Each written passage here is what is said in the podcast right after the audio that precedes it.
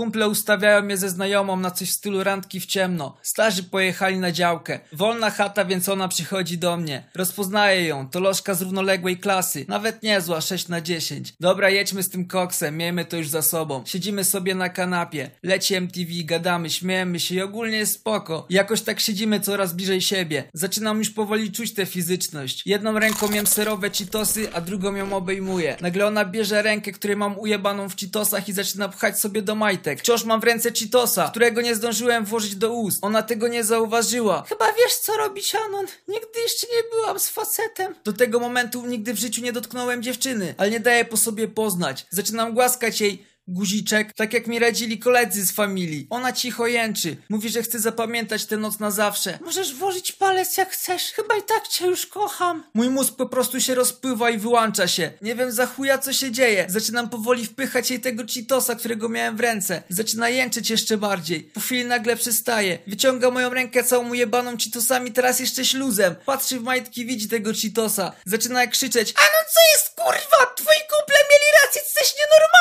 Przekraczam najodleglejsze wymiary zażenowania. Mam roczek pod nosem. Jest Cheetos, jest impreza. Laska szybko się zbiera i wychodzi z mieszkania. Nigdy nikomu o tym nie powiedziałem ze wstydu. Nigdy więcej nie pójdę na randkę.